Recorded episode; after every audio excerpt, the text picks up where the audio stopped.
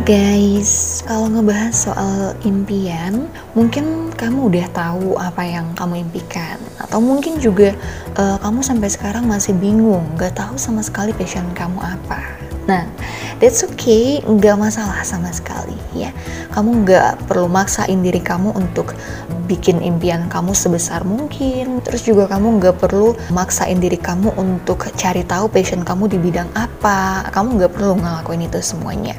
And the only thing that you have to do, satu-satunya hal yang harus kamu lakukan itu cuman terus melangkah, melangkah, dan lakukan sesuatu.